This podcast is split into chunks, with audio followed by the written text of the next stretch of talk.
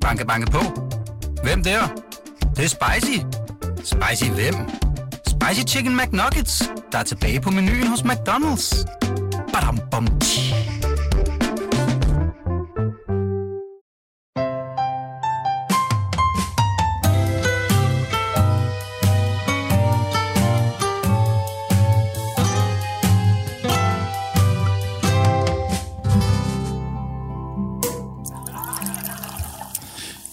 Hjertelig velkommen til Jørgenvester Livsstil. I den her podcast, der får du de bedste tips til, hvordan du kan optimere hele din private økonomi, og vi, øh, vi sætter fokus på din boligøkonomi, så du øh, rent faktisk har råd til alle de her lyksaligheder, som vi normalt taler om her i Jørgenvester Livsstil. Mit navn er Simon Rikard Nielsen, jeg er chefredaktør på Jørgenvester. Og med mig i studiet kan jeg byde velkommen til Carsten Ingman Jensen. Tak. Carsten, du er jo intet mindre end uh, privatøkonomisk ekspert. Vil du ikke uh, sætte lidt flere ord på, uh, på dig selv og din, din virksomhed? Jo, altså jeg er oprindeligt uddannet økonom, ligesom du er, og har siddet og arbejdet med de her tunge nøgletal, men fandt ud af på et tidspunkt, ligesom du gjorde, at øh, det var sjovere at formidle økonomi, end det var rent faktisk at sidde nede i de makroøkonomiske nøgletal. Og så har det udviklet sig efterhånden til, at jeg nu har åbnet mit eget rådgivningsfirma, der hedder Pengeministeriet, og i det øh, ministerium, der øh, rådgiver vi ganske almindelige mennesker om, hvordan de skal håndtere blandt andet deres boligøkonomi, som øh, vi skal snakke om i dag. Vi øh, rådgiver i, hvordan man kan investere sine penge godt og sikkert, uden om bankernes meget høje omkostninger. Og øh, det er alt fra Asmus, der er 14 år, har ønsket sig en øh, aktierådgivning i konfirmationsgave, op til øh, Grete, som står og er lidt usikker på, kan hun klare pensionsalderen, hvis hun går fire år for tidligt, og hvordan skal hun egentlig håndtere sine pensionsudbetalinger og de penge, hun har stående i frie midler, som nogle gange er investeret igennem en bank, og der kan hun se, at hun mister rigtig, rigtig mange penge, så hvordan kan hun gøre det, få lidt hjælp til at gøre det, uden om bankens høje omkostninger. Mm.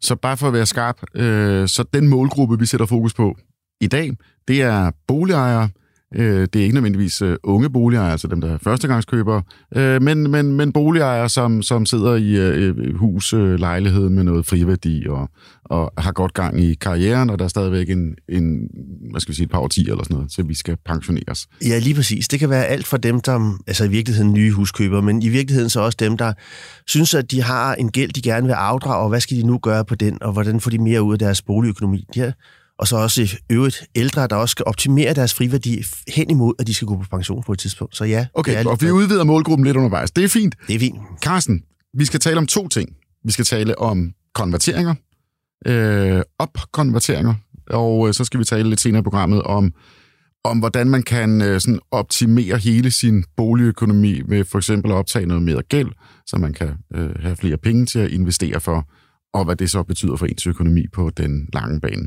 Ja. Konverteringer. Er det en god eller dårlig idé? Altså, altså vil, opkonvertering. jeg vil ikke sige, at det til, øh, i alle tilfælde er en dårlig idé, men jeg er meget ofte så er jeg ude at advare imod, at det er altså ikke så enkelt som øh, mange boligejere. De tror, at øh, det, der er fristende rent mentalt, det er, at man kan se, at man kan få en gevinst her og nu. Men i virkeligheden er det en gevinst, man ikke har fået, fordi at øh, man skal jo betale en højere rente for den, og det er faktisk den samme rente, man allerede har på sit lån. Så de penge, man får i hånden, ud af det her, der skal man bare betale en højere rente på det, der er resterende. Man har en højere risiko på det, og så er der frem for alt, så er der en masse omkostninger omkring det her. Hvis vi nu forestiller os sådan helt enkelt til at starte med, så sidder der nogle pensionsinvestorer øh, og køber obligationer. De sidder og gør det hver dag. Og jeg vil faktisk våge den påstand at sige, at de er ret gode til det her. Og så sidder der nogle boligejere, der har fået at vide, at det er en god idé at konvertere deres, øh, øh, deres boliglån. Og hvem er bedst i det? Det kan vi ikke sådan lige afgøre, men jeg vil jo nok lige lægge min æg i pensionskassernes øh, kurve. Men dertil kommer så, at der er mellemmænd i det her spil. Der er både banker, realkreditinstitutter, og så er der de her transaktionsomkostninger, der er ved at, ved at handle. Så skulle man gå hen og vinde på denne her, så vil jeg sige, at det er ret imponerende, at man som boligejer kan, kan vinde både det, det koster til mellemmænd, og så det, det koster at få pensionsselskaberne til at gå med på aftalen. Mm. Og, og bare lige for at slå fast, når vi, når vi tæller konverteringer, så er det jo for folk, som øh, for, for boligejere og låntagere, som har, som du siger, et fastforrentet lån. Der er jo sket det, at renterne er faldet og faldet. øh, undskyld, renterne er steget og steget, altså kurserne øh, er faldet. Så hvis man laver sit, øh, sit fastforrentet lån om, hvis man har haft det i nogle år, øh, så har man måske en, det der hedder en kuponrente på 0,5, 1, 1,5, 2 procent måske. Øh, og så kan man indfri det lån, optage et, øh, et andet lån, og så fordi kursen er faldet på det øh, gamle lån, så kan man altså få en, en meget stor øh, gældsreduktion. Ja. Og folk, der lytter til Jørgen Vester Livsstil, det er jo altså nogen med meget stor succes, så de bor i meget store, fine huse. Ja. Øh, i, ja. øh, men, men altså, vi taler om, altså, hvis du har et lån på, lad os bare sige, øh, 4-5 millioner, øh, så er det jo op imod 1 million kroner, Ja. øh, du kan hugge din raskal. Hvorfor er Ja. det ikke en god idé? Det er da fristende. Ja, se, der skal vi kigge ind i vores underbevidsthed. Vi har jo øh, vores frontallapper, som gør, at vi er sådan, øh, sådan nogle mennesker, der vi, vi vil gerne forestille, at vi tænker rationelt. Men i virkeligheden så er der nogle følelser, der træder ind her, fordi at vi bliver følelsesmæssigt påvirket af, at vi faktisk kan få nogle penge ud her og nu. Men det der er, det er, at den, regne, rente, øh, den regning, den kommer senere, så det bliver kun en god idé, hvis det er, at renten falder igen forholdsvis hurtigt. Altså den skal falde igen inden for de næste syv år, hvis du selv skal have noget ud af det. Og så kan man sige, ja, men det gør den jo nok, fordi nu er den meget høj. Jamen så lad os lige træde 20 år tilbage, og så sige de sidste, eller i hvert fald 15 år. De sidste 15 år, der har boligejerne fået at vide næsten hver lørdag, når der kommer en avis med en privatøkonomisk sektion, at nu er det tid til at konvertere, fordi nu kan du få en lavere rente. Og så kan du konvertere ned og konvertere ned, og så kan du konvertere op på et tidspunkt. Men hvis man nu havde bevaret, bare havde haft sin risiko i en variabel rente, så havde man jo fået en meget, meget lavere ydelse. Så dem, der går og siger, at de egentlig har tjent penge på det her igennem seneste år, de skal prøve at lave regnstykke på, hvad havde de fået ud af det her, hvis de nu bare havde ligget i variabel rente og lavet være med at konvertere op og ned. Der vil der være en ganske, ganske betydelig øh, gevinst øh, forbundet med det. Jeg Altså, kunne godt tænke mig lige at- har bare været billigere. Ja, det har bare været billigere. Ja. Og, og, og så er der analyser, der er rigtig grundige med det her, som har sagt, jamen det er fint nok, det er så i en periode, hvor renten er faldet. Så kan man gøre det, man vender perioden om. Det er lidt teknisk svært, men hvis man nu siger, hvad er der så sket, hvis, hvis vi vender perioden om, og renten er steget, så vil det stadigvæk bedre kunne betale sig at ligge i variabel rente. Og så kommer det næste, der er meget interessant, det er, så kan man jo lægge de to perioder sammen, så man enten starter med rentestigning, og så kommer vi tilbage til udgangspunktet, eller vi starter med et rentefald og tilbage til udgangspunktet. Og lige meget, hvordan du vinder og drejer det her, så hvis du gør det over 15 år, så er der ikke en eneste beregning, der bekræfter, at det har kunnet betale sig at konvertere optimalt. Og når jeg så siger optimalt, så skal det jo være på det tidspunkt, hvor renten enten er højst og lavest. Og der er der jo for første en time lag, fra du tager beslutningen, til det egentlig sker. Og desuden så er der også det her med, hvornår er renten egentlig lavest. Fordi det har den været de sidste otte år. Der har den været det frem til foråret i år. Øh, der har den været lavest, men den er bare faldet og faldet. Men det er så det historiske, og det kan man ikke gøre om på, når man så sidder med det der fastforrentet lån. Men, men hvad, hvad siger du egentlig, hvis der kommer en kunde øh, ind til dig, en bolig, og siger, jeg har et, øh, et, øh, et boliglån på 5 millioner kroner, øh, optaget fastforrentet, og nu kan jeg få 1 million ned, hvis jeg laver den her konvertering. Altså er det, er det så altid et hårdt nej? Hvis det, en, hvis det er en kunde, der ringer ind og siger sådan der, så kan jeg forklare det i telefonen. Jeg ved du hvad, du risikerer bare, at du får omsat det her til en højere rente, og hvis ikke renten falder igen, så, så mister du øh, denne her gevinst. Det vil sige, du gør dig faktisk til spekulant i din, i, i din ejendom. Og jeg har altid holdt på, at der er så mange andre måder at tjene penge på i en boligøkonomi, så man behøver ikke oven i det også at spekulere. Men hvis det for eksempel er så en pension, der siger, jamen så kan jeg i det mindste øh, konvertere sidelæns, og så kan jeg få en lavere rente i form af en, øh, et variabelt forrentet lån, så vil jeg så fortælle vedkommende, at det er fint nok, du tager den beslutning. Du skal bare gøre op med dig selv, at du påtager dig lige pludselig selv en risiko. Jeg går ud fra, at du har valgt fast rente, fordi du ikke har vil have en risiko på dine rentebetalinger. Så nu har du altså lavet din strategi om til, at nu du siger det så, nu vil du gerne tage den her risiko. Det skulle du sådan set have gjort for mange år siden i virkeligheden. Det kan man så godt vælge at gøre alligevel, og det kan der være, nogle gange kan der være nogle fornuftige økonomiske øh, belæg for det, men jeg vil bare altid gøre opmærksom på, at du påtager dig altså en helt anden risiko, end det du har haft hidtil. Mm. Det, det lyder lidt, øh, bare for at vende tilbage til noget, du sagde lidt tidligere omkring, at modparten til, øh, øh, til os, der har et øh, boliglån, nu siger jeg os, jeg har ikke noget selv i øjeblikket, jeg bor til leje, bare lige en disclaimer her. Okay. Men hvis man, øh, hvis man har et boliglån, så er modparten, den der egentlig har lånt øh, pengene øh, til boligejeren, det er professionelle investorer, det er pensionskasser, det er hedgefonde fra London og sådan noget. Ja. Har du indtryk af, at det er sådan noget, boligejerne lidt glemmer, at de bare Ja. sådan tænker, det er en gratis omgang, haps, jeg Ja. snupper den million Altså, der. der, der, der, jeg, jeg synes, at når jeg snakker med øh, folk, der sådan har succes, som de siger, med at, øh, med at øh, konvertere deres boliglån. Der er også mange, der har succes med deres aktier, men det er jo fordi, at det er et værdiskabende aktiv, som, som man skal jo huske på, før man siger, at man har øh, succes med sine aktier, skal man måle op i forhold til, hvad det var blevet til, hvis man havde lavet værd med at gøre noget, eller hvis man bare havde taget og afdækket sin risikoordning. Men når man nu har begivet sig ind i det her med, at man siger, jeg har rent faktisk tjent penge på det her, og jeg har snakket med masser af mennesker, de holder, og de påstår prompte, at jamen, jeg har tjent penge på min konvertering. Det kan godt være, at der er nogle få, der i virkeligheden er ret, men de fleste af dem, de glemmer de andre omkostninger. Og det, man skal huske på, det er, ligesom når man har en aktie, man er ked af, og man skal sælge den, så skal man altid lige spørge sig selv, hvordan kan det være, at der er en, der faktisk vil købe den til den pris, man vil sælge den for. Så skal man også spørge sig selv, hvordan kan det være, at jeg kan få en billigere låntagning ved at pådute pensionsselskabet en lavere afkast på deres pensionsopsparing. Sådan er, så let er det desværre ikke. Pensionsselskabet, de regner også på det her. Og det du får som boligejer lige nu, det er, at du får en option på, at hvis renten falder, så får du pengene hjem. Men det er kun med en vis sandsynlighed. Det skal du lige få. Du får en option på, hvis ja, du, renten Du køber dig en option, når du, mm-hmm. når du konverterer op, så køber du en option, der hedder, at hvis renten falder, så har jeg tjent de her penge, og så, øh, så har jeg sparet de her penge, og så er, er de penge, de er mine. Men det er det, du nu, kalder, det er ren spekulation? Det er ren spekulation. Fordi man ved ikke, hvad renten den Nej, har tænkt sig at gøre. Det. Nej, og igen, nu har vi de sidste 10 år sagt, renten har, hvad, er nu så lav, så den kun kan gå en vej, men den er stadigvæk fortsat med at stige, indtil den lige pludselig stiger overraskende. Og når vi står her i dag, så kan vi ikke bare sige, renten den er også høj nu.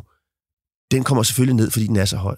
Det tror jeg selv, men det, det vil jeg aldrig nogensinde gå ud og, og, og, og tage positioner på, fordi renten kan rent faktisk godt tage tre år, hvor den stiger yderligere. Det vil sige, at vi har en kæmpe stor risiko på det her, og skulle renten stige lidt mere, jamen så den gevinst, vi har høstet her, den er tabt i forhold til, hvis vi var blevet vores gode fastforrentede lån med 1 eller 2 procent rente. Det er interessant, du siger, at, at du faktisk selv øh, øh, tror på, at renten den vil falde tilbage igen, men du rådgiver ikke folk til at handle efter det. Nej, når jeg rådgiver, så siger jeg altid, at jeg ved ikke, hvad der sker. Mm. Så det, jeg kan fortælle dig, det er, Hvad mener du står i en podcast? Og hvis det falder. ja, så kommer jeg til det nu. Du, det er fordi, du er så charmerende, øh, øh Simon. Du kommer til at, ja, ja, ja. til at tale over mig. Men, men jeg gør det altid. Jeg siger, jeg vil, simpelthen ikke, jeg vil simpelthen ikke tage positioner på, om renten er højere eller lavere, eller om aktierne er højere eller lavere om tre uger, eller om fem uger, eller om, eller om to måneder. Fordi det er inden for det der usikkerhedsmagn. Der er overshooting og undershooting og en masse andre tekniske ting i sådan et marked. Så hvis vi begynder at tage positioner på det, så udsætter vi os for en risiko, som er, og vi kan måske få en lille gevinst, men det er minimalt ved siden af, hvad vi laver, øh, hvis, hvad vi får ud af det, hvis vi laver en økonomisk planlægning. Men hvis vi vender tilbage til det her med pensionsselskabet, så findes der det noget, som ikke står i nogen som helst opgørelse for Realkreditinstituttet eller banken. Der er noget, der hedder en konverteringspræmie. Det er noget, man snakker om på den anden side af bordet, hvor man køber de her øh, obligationer. Og normalt igennem de seneste år, så er et fastforrentet lån, det har haft sådan en konverteringspræmie på lige omkring 60.000 kroner per million, man køber. Det er altså nogle omkostninger, som ikke står på opgørelsen, når man konverterer. Altså det er ikke, det er ikke et gebyr, det er det, ikke en Det er en usynlig omkostning. Det er det, der... Men det er hvad, faktisk, hvad er det? Prøv at forklare, hvad det er. Det er det, er, det, er det pensionsselskabet skal have i præmie for at tage vedmålet på at købe en obligation til en god rente, som de mister, hvis renten falder, men som de skal beholde, hvis renten den fortsætter med at stige. Så det, det, er, på en måde, det, det er på en måde indbygget i, i den rente, som vi oplever som boligejere. Ja, den er sådan lidt, lidt, lidt kunstigt lidt højere end markedsrenten, fordi ja. dem, der køber obligationen, ja. og vi optager gælden, de skal have lidt ekstra for det her, fordi vi ved, ja. at du kan finde på at konvertere. Lige præcis. Mm-hmm. Så hver gang en pensionsejer har købt for øh, en million kroner øh, obligationer, af en boligejer, så har de startet med at tage en pris på 60.000 kroner for at overhovedet gå ind i den her. Jeg har ikke din du friske tal, men sådan som markedet ligger nu, så tør jeg godt våge den påstand, at de der øh, konverteringspræmier, de er oppe i en størrelsesorden op til måske 100.000 kroner per million med låner. Det er altså 10 procent, som de lige starter med at tage ud af denne her forretning, som ganske vist løber over 30 år, men det er alligevel mange penge. Mm. Og bare lige for at slå fast, det er ikke sådan en, en omkostning, som er indført af nogen eller af noget. Det er ikke sådan, at der er nogen, der er onde. Det er bare sådan, sådan, sådan fungerer øh, kapitalmarkederne. Ja. Vi skal have noget. Hvis jeg tager en risiko, så skal jeg sgu også have noget. Undskyld, ja. mit sprog, så skal man have noget afkast. det, er, det er på præcis samme måde, så hvis vi alle sammen tror, at Tesla kommer med noget genialt i næste måned, så vil vi betale mere for denne her øh, Tesla-aktie, fordi at, øh, at vi tror på, at den stiger. Og det samme, det gør pensionsselskaberne. De regner på det, og de ser på, hvad er sandsynlighederne for det her, og det lægger de oveni som en omkostning mm. på boligejeren. Så opråb, advarsel til alle boligejerne. Der sidder nogle modparter derude, der er meget, meget dygtige, og som sidder og kigger på det her hver ja. evig eneste dag. Eller i det mindste gør op med dig selv. Er du alligevel smartere end pensionsselskaberne? Og så i øvrigt, så er der også det, der hedder mellemmænd, og de skal have deres del af kagen også. Så hver gang du laver sådan en transaktion, så er der både en bank og et realkreditinstitut, der skal have øh, kursreguleringer og kurssikring og øh, almindelige gebyr, stiftelsesgebyr og alle de her forskellige ting. Og det skal vi tale om nu. Men du siger, der er 14 forskellige ja. øh, gebyr, omkostnings, altså, ja. som så rent faktisk står på et stykke papir. Ja, de står ikke på et stykke papir. Det er kun ganske få, der, øh, få priser, der står på et stykke papir. Mange de går ind og kigger på, hvad koster det at få lavet det her lån om? Og så ringer de til banken, og så siger de så, at jeg skal bestille for meget i, øh, i stiftelsesproduktion. Så siger banken, jamen det er da fint, du får det bare til halv pris. Fordi det er ikke der, de tjener deres penge. De tjener deres penge på bidragssatsen. Så hvis de kan holde dig i gang med lidt større lån, med lidt større bidragssatser, så tjener de mange flere penge, end de kan på et simpelt gebyr. Det er det her altid med, når man skal kigge på omkostninger i finansielle transaktioner, så skal man kigge på, hvad er den varige betaling, og ikke så meget på det her, der er selve transaktionsomkostningen. Mm. Men altså, der er transaktionsomkostningen, der hedder stiftelsesgebyr, tinglysning, så er der kursfradrag, og så er der alle de her ting. Og der er sammenlagt, jeg kan ikke lige huske dem alle sammen nu, men der er syv, når du skal ud af det, og der er syv, når du skal ind af det. Det vil sige, det giver sammenlagt 14 priser. Men det er bare, når man, når man ser på de tal, øh, altså hvor stor omfanget har været i løbet af, af året, øh, har du så en fornemmelse, et indtryk af, at, øh, at bankerne yder den, den rådgivers, rådgivning, som, som tjener boligejerne bedst? Det er et tåligt spørgsmål. Du står og smiler. jeg har aldrig stået i en situation, hvor jeg kunne sige, at bankerne generelt prøver at tjene boligejerne eller opsparernes interesser. Det er alle sammen aktieselskaber, der skal tjene penge til deres aktionærer, eller i det mindste, så skal de da i hvert fald gøre deres arbejdsgiver glade, sådan så de ikke står forrest i køen, når der den næste fyringsrunde kommer. Så når de går ud og, og, og, og er så glade hver gang renten ændrer sig og siger, nu kan vi gøre det her med vores lån, nu kan vi gøre det her med vores lån, så er det altså ikke for boligejernes skyld. Mm. Det er simpelthen for deres egen skyld. Og in all fairness, øh, nu, nu er der ikke nogen repræsentanter for, for bankerne øh, her i dag, så det kan være, at vi skulle lade den... Øh, det kan være, at vi inviterer en bankdirektør øh, ved, den, ved den kommende lejlighed. Ja, det kunne være sjovt. Så kan vi høre, hvad han siger til ja. det. Øh, øh, men det er bare, når du siger det her med, at, at, øh, at det er bidragssatsen, øh, som er guldægget hos, øh, hos bankerne. Altså den, den løbende betaling, øh, som vi ikke rigtig lægger mærke til. Det står jo som en del af en samlet ydelse. Ja. Øh, der er renter, der er afdrag, og så er der det her bidragssats. Ja.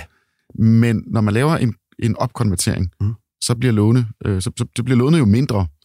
Så er der vel også mindre øh, bidragssats. Så får du en mindre bidragssats. Så der det er vel ikke i bankernes interesse? Ja, de får stadigvæk en omsætning, fordi mm. de får stadigvæk hele omsætningen på, at du skal ud af det gamle lån, du skal ind i det nye lån, du skal betale øh, omlægningsgebyr og alle de her ting. Så selvom der lige præcis øh, ikke at bidragssatsen ikke er med i det her spil, så er der de der 14 andre priser, som er en stensikker gevinst, og det kan man altså, behøver jeg ikke at stå her og påstå, uden at der er nogen, der kan forsvare sig, fordi det kan man simpelthen gå ind og se i et regnskab for en hvilken bank, at når der er konverteringsbølge, så stiger deres indtjening. Mm. Hvis vi skal sætte, prøve at sætte to streger under det her, du siger, altså, som udgangspunkt, så skal man lige tænke sig om med at konvertere. Du, du spiller mod nogen, der er meget, meget dygtige til det her. Ja. Øh, men så, jeg synes også, jeg hørte dig sige, hvis du så alligevel vælger at gøre det, så skal du hellere overveje en, en skrå-konvertering, altså fra fast til noget flex, ja. F-kort. Mm. Øhm, ja. er, er det sådan, så du, ja. du, du så går den vej i det mindste? Så, det, så, så, så, kan man, så kan man vælge at gøre det, men man skal bare samtidig være meget opmærksom på, at man har en anden risiko. Mm. Så man skal jo aldrig nogensinde gå ind i det her hvis det er sådan, at man lige pludselig kommer til at tisse bukserne, hvis det nu er, at renten den stiger til 5% over en kortere periode. Det har vi jo set tidligere, at den variable rente, den midlertidigt været høj. Men i de lange stræk, så er den jo betydeligt lavere, end den er på et øh, fastforrentet lån. Så, så det er en økonomisk gevinst på lang sigt at ligge i variabel rente. Man skal bare selv have økonomi til at kunne klare, at renten midlertidigt er på et måske niveau, som vi synes er helt urimeligt højt, men det er bare sådan, det er, fordi vi er et lille, åbent land med en fast valutakurs, mm. så må vi leve med, at den rente, den kan altså godt lige pludselig sus op, hvis nu vores krone bliver svækket. Der er sket det seneste her, det modsatte her, de seneste to måneder, der har Nationalbanken faktisk været ude og måtte sælge kroner, for at den ikke blev for stærk. Og det er jo så derfor, vi også har set, at den variable rente, den er ikke steget nær så meget, fordi kronen er bare stærk i Europa. Mm. Øhm, ja, apropos du, Nationalbank, du har jo selv en fortid som økonom i øh, Nationalbanken, ja. så, så vidt jeg husker, ja, det er et par år siden. Det er en mange år siden. Det, det snakker vi så okay. til gengæld ikke om, hvor mange år siden det er. Nej, nej, det gør vi ikke. Men, men, øh, men vi kan godt tale om, at du, fordi du har også dækket det her, øh, også som, som øh, økonomiske journalister har fulgt det her i, i flere årtier. Ja.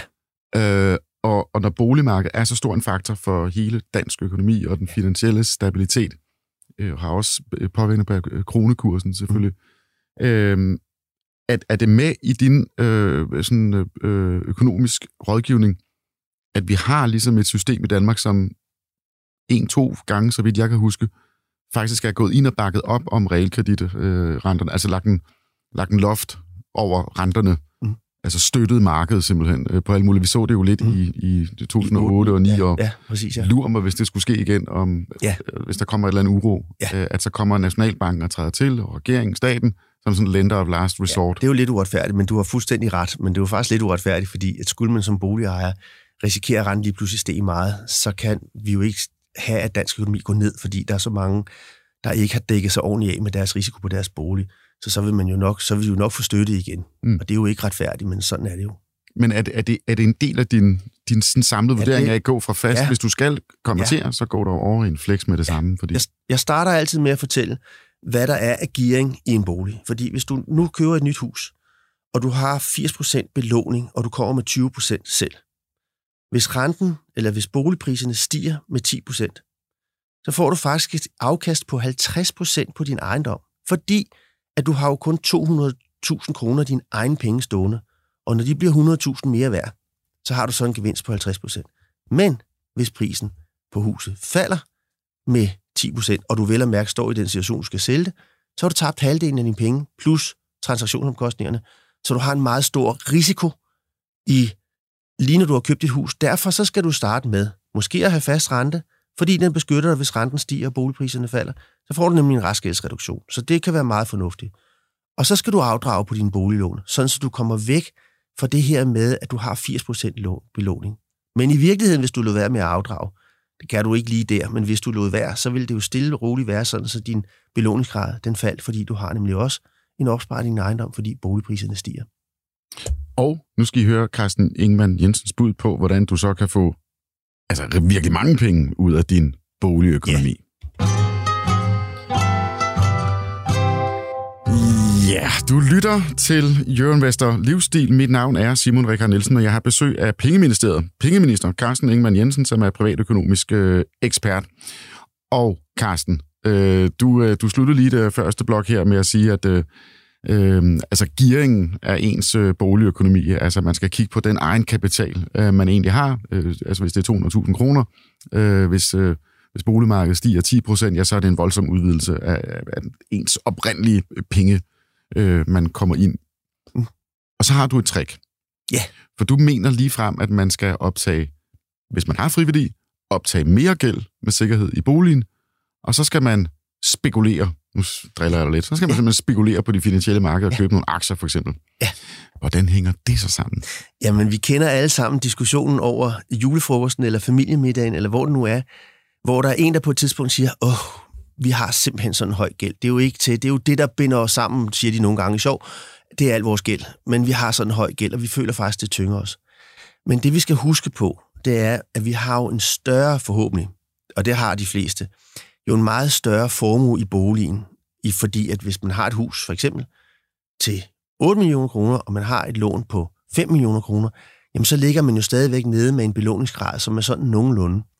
Hvis vi nu forestiller os, at verden var uforandret over de næste 20 år, sådan så vi bare fastholdt den der gæld på 5 millioner kroner, så vil boligen den vil stige fra 8 millioner kroner til 16 millioner kroner. Det vil sige, selvom vi ikke afdrager vores gæld, så vil vores opsparing den vil stige. Det vil sige, om 20 år, når vi nærmer os pensionsalderen, både du og jeg Ikke også, Simon? Der er mindst 20 år nu, til vi skal på pension. Det kan jeg bekræfte.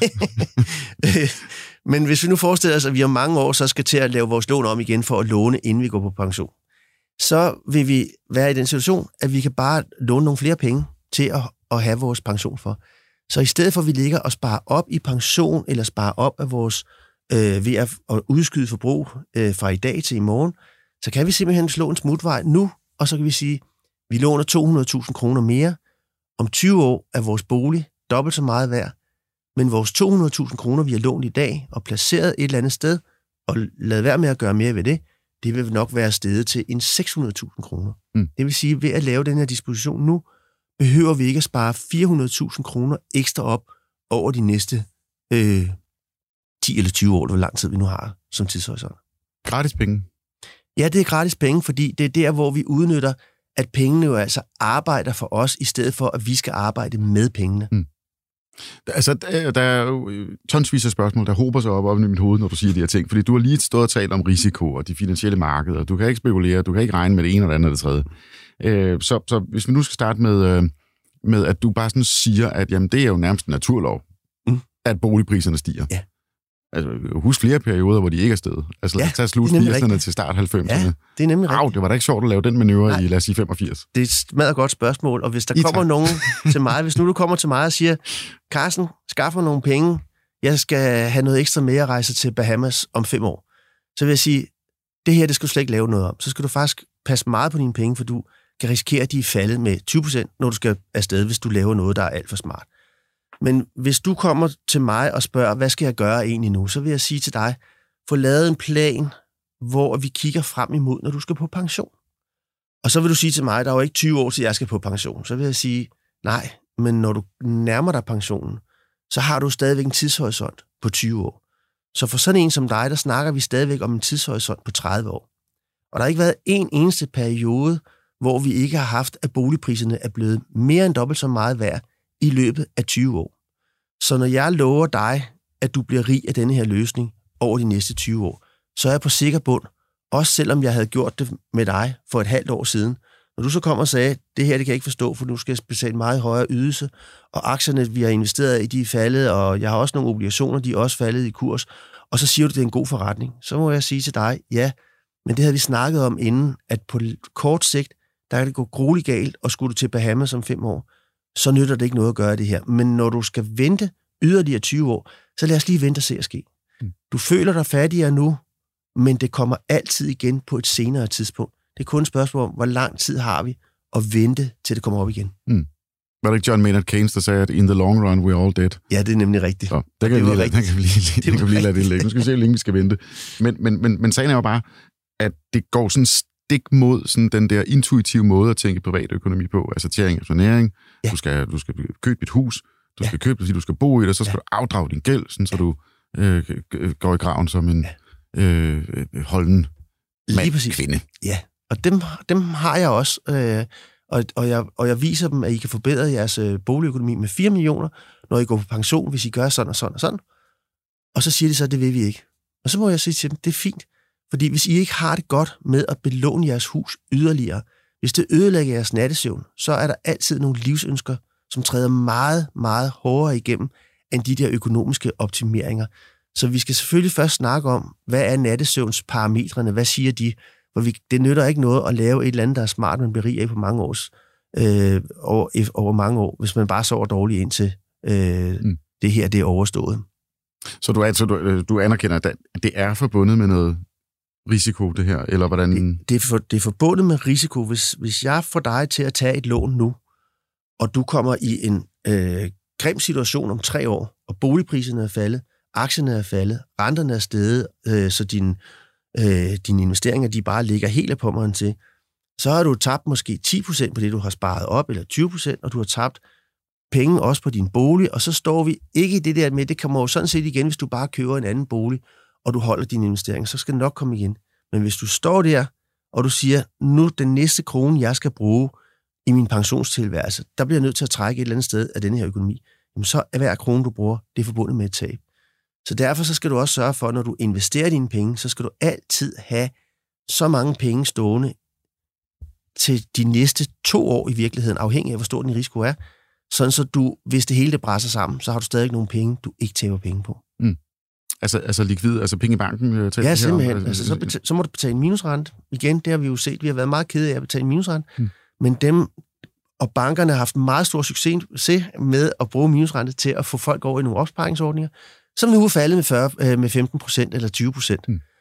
Og det vil så sige, at det var ikke særlig smart at skifte sine penge ud fra minusrente til øh, et eller andet opsparingsmål, andet end for banken, fordi så i stedet for, at de får den der minusrente, så får de jo en fast indtægt på sådan cirka 1,5 procent af den formue, man nu investerer mm. hvert år, uanset om det stiger eller falder. Hvad så, hvis man siger til dig, jamen Carsten, det du er gang i, det er jo faktisk at, at give ja. øh, øh, familiers øh, privatøkonomi, give ja. den helt voldsomt. Du er ved at lave, øh, at, at hver familie skal køres som en eller anden hedgefond fra, fra London. Ja. Giver, optager noget lån, øh, investerer nogle aktier. Ja. Ja, du så smiler. ja, men det gør jeg, fordi jeg synes, det er, det, jeg synes, det er rigtig, rigtig godt, at du, du, du tester mig på denne her, fordi lad os nu forestille os, at jeg havde øh, kørt øh, sådan en som dig, der kommer ind og siger, øh, jeg går ind og siger, jamen du skal da bare låne 80% øh, af boligens værdi, og så skal du bare investere dem i et eller andet, øh, i øh, Rusland for eksempel, jamen, så er dine penge væk, og du har en gæld på 80% af boligens værdi, og boligpriserne falder og sådan noget, så, så, er, du, så er du bankerot. Og det var det, der skete i 2007. Det var der, hvor bankerne gik ud og sagde, vil du låne nogle penge også, og så kan du købe vores aktie, og så bliver du meget, meget rig. De lånte penge til aktier, som så gik i nul, og det var forfærdeligt. Men det er ikke det, jeg siger. Jeg siger, hvis du føler, du har en høj gæld, for eksempel, den er 40 procent af boligens værdi, og vi så siger, at vi tager 10 procent, mm. altså går op til 50 procent af boligens værdi, og dem investerer vi velvidende, at det kan falde med 30 procent, men over 20 år bliver det tre gange mere værd, så får du penge ud af det, og så har du lavet en gearing, der giver dig et nogenlunde og ret sikkert afkast, men du har en risiko for, at det går galt undervejs. Og hvis du står der og skal skilles og skal sælge huset og alle de der ting, så har vi et problem. Så, så det må vi jo også snakke om. Hvad gør vi, hvis der sker noget inden for de næste fem år? Mm. Så laver vi en test af det og siger, der kan ske det, der kan ske det, og hvordan vil du se på det, hvis vi lige pludselig står der om fem år, og så er det faktisk faldet, og, og det er blevet dyrere og alle de her ting. Kan du, kan du modstå det, så kan vi love dig over 20 år, så kommer du til at tjene, ja, det kan være 1 eller 2 millioner kroner mere, du får til din pension, uden at du skal bruge færre penge i dag for at spare op til pensionstilværelsen. Så du, du tester for sådan nogle livsbegivenheder, som vi ikke... Nu nævner du selv skilsmisse. Man kan også blive fyret. Man kan, øh, hvis man skal flytte arbejde, for eksempel, skal flytte fra København til Jylland, øh, ja. så skal du også til at sælge huset og indfri lånet. Det kan være ja. på nogle dårlige tidspunkter og sådan noget. Det er, det er sådan, at en ansvarlig økonomisk rådgivning tager altid udgangspunkt i folks livsønsker og livskvalitet. Så man kan ikke begynde at lave noget, som folk ikke er med på, og som de ikke selv kan stå indenfor. Derfor kræver det også, at det her det skal være absolut enkle og gennemskuelige løsninger, i stedet for at proppe dem noget ned i halsen. Og det har du faktisk muligheden for på denne her måde hvor når du går ned i banken, der får du bare at vide, at nu er kursen god, så skal du lige lave den der konvertering. Men de bekymrer sig rent faktisk ikke for, hvordan din øvrige økonomi den ser ud. De tester, om de selv kan tage penge, men de tester rent faktisk ikke på, hvad du kan få ud af det. Så når du, når du får en test af banken, så kigger de altid på, hvad har vi af risiko på dig? Resten, det må du sådan set selv slås mm. Og det, det, nu har jeg jo fulgt øh, løbende, hvordan du gennem årene har skrevet en masse ting på, på LinkedIn øh, Facebook ja. osv. Du laver de her cases, ja. øh, altså ja. sådan nogle, nogle familier eller et par eller et eller andet, ja. hvordan de er, du gør altså sådan i, i gåseøjne, ja. øh, hvordan de er blevet gåseøjne snydt af, af banken, eller de kunne i hvert fald tjene mange flere penge. De kunne beholde en meget, meget større del ja. øh, af deres øh, penge ja. selv ad over. Ja. Øh, og når vi taler gebyr og årlige omkostninger procent, så er det jo virkelig, virkelig mange penge. Ja. Men, men har du nogensinde tænkt over, at, øh, at den måde, som, som de, altså dit udgangspunkt for at rådgive, altså det der med, at man skal udvide både aktive og passive, altså hele balancen i en privat økonomi skal, skal udvides og gives. Mm-hmm. Du skaber jo faktisk nogle fantastiske bankkunder. Bankerne vil jo elske det der. Ja, men det, men det er jo det sjove det hele, det er, at bankerne de hader mig jo for at gøre opmærksom på, at det er meget, meget dyrt at spare op igennem banken. Mm. Men jeg har ingen problemer med at snakke med nogen som helst banker, fordi de er meget, meget glade, når jeg ringer til dem og spørger, om vi kan få et boliglån igennem på denne her måde, fordi så har de da en sikker bidragssats og en, en, en stiftelsesprovision og alle de her forskellige ting.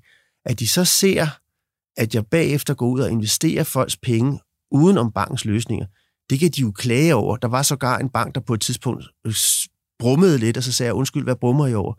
Jamen det er fordi, at øh, du, tager jo, du tager jo den største del af kagen. Og så må jeg jo sige, tager jeg den største del af kagen? Jeg kommer med en stor fed fugl til jer, der skal have et stort fedt boliglån. Og det tjener I penge på. Det var en fugl, der aldrig ville komme forbi jeres bord, hvis ikke det var, at jeg kom med den.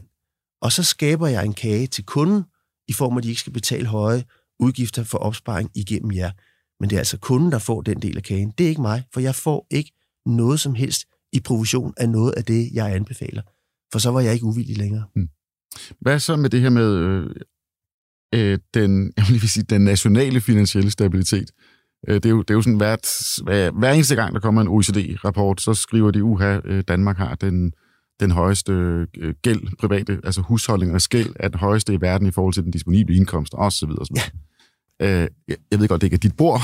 jo, men det er det. det er Nå, okay. Altså, det, du, du tager lige den jo, finansielle stabilitet jamen, den vil jeg faktisk, ja, Nej, men altså, jeg vil godt lige forsvare det, fordi ja. at, at nu når Nationalbankdirektøren, han sidder og siger, at han vil ikke have de her afdragsfrie lån, øh, Øh, så er det sjovt ved det, så når jeg så snakker med nogle af dem, der så sidder selv med det der, så spørger jeg så dem, har du ikke, vej, øh, har du ikke afdragsfrit? Og sådan noget? Det har de så i virkeligheden også. Nå, så må jeg jo bare sige, så synes de åbenbart selv, det er en rimelig god idé at have afdragsfrit. Om det så skal være veje afdragsfrihed eller 10 års afdragsfrit. Men altså, det er Nationalbankdirektøren personligt? Altså, nu skal jeg ikke snakke om hans økonomi, men der sidder mange og regulerer ah, folks, folks økonomi, og det er jo sådan set meget sjovt, at mange af dem, de har faktisk afdragsfri lån. Men, men lad det bare ligge. Men lad os nu forestille os igen, at du kommer til mig, og så siger jeg så, du har, øh, øh, vi har en virksomhed, øh, eller vi har en, en kunde, de har en, for eksempel har de en virksomhed, og der skal de trække penge ud til sopskat hvert år, fordi de afdrager på deres boliggæld. Hvis vi så laver det her om til, at de ikke længere skal afdrage, så laver de en konsolidering af virksomheden. De kan også spare op ved siden af. De får opbygget en privat opsparing, plus de har en konsolidering af deres virksomhed. Hvis det ikke er at fjerne risikoen for, for, for, for kreditsystemet, så ved jeg ikke, hvad det så er.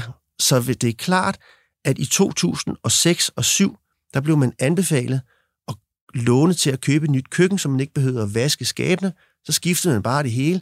Men det er ikke sådan, vi arbejder. Vi arbejder med, at vi låner nogle ekstra penge, og dem investerer vi, sådan så i virkeligheden, hvis man efter man har fået det her lån, og man har lavet det her nogle år, og man bliver fyret, så har man ikke længere den høje ydelse, man havde før man lavede det om, og man har så samtidig også en økonomisk reserve, sådan som man ovenkøbet måske lige kan sige, jeg bruger nogle af de her penge på at tænke mig om, så jeg ved, at det næste arbejde, jeg tager, det er også det, jeg gerne vil have.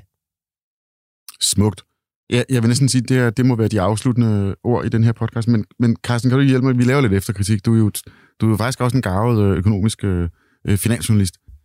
Øh, hvad skal rubrikken være på det her? Altså, hvor overskriften? Sagde du, kunne man tjene en million, hvis man gjorde, ligesom du sagde? Eller sådan? Ja, altså, øh, økonomisk planlægning kan give dig fem gange højere økonomisk gevinst end spekulation i renter. Det var fandme en dårlig, undskyld jeg banner, det var en dårlig rubrik. Ja, det har du altså gjort bedre tidligere, det kan jeg huske. Planlæg din økonomi i stedet for at spekulere. Kunne man ikke tjene en million, sagde du det? Jo. Hvordan, hvordan hvad er forudsætningen? Det kræver, det kræver så, det er lidt afhængigt af, hvad det er for en hus, man har. Ja. Så hvis man ikke har en bolig, så kan man jo ikke bare gøre det. Hvis man har en bolig til, hvis man er, hvis man er 40 år, har en bolig til 4 millioner, mm og laver det her på en på, fornuftig måde og gør det de næste frem til pension, så er der mere end en million. Men sådan kan du tjene mere end en million, det kan jeg godt. Ja. Okay, godt. Carsten Ingemann Jensen, det var en fornøjelse at have besøg af dig. Det var en fornøjelse at være med, tak. Og jeg skal også sige, sige tak øh, til øh, Jens, som sidder og trykker på knapperne ude i teknikken, og tak til Signe Terp, som har hjulpet mig med at lave øh, det her program. Vi høres ved på gensyn.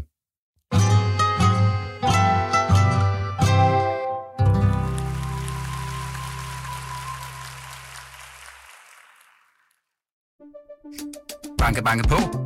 Hvem der? Det, er? det er spicy. Spicy hvem? Spicy Chicken McNuggets, der er tilbage på menuen hos McDonald's. Badum, bom, tji.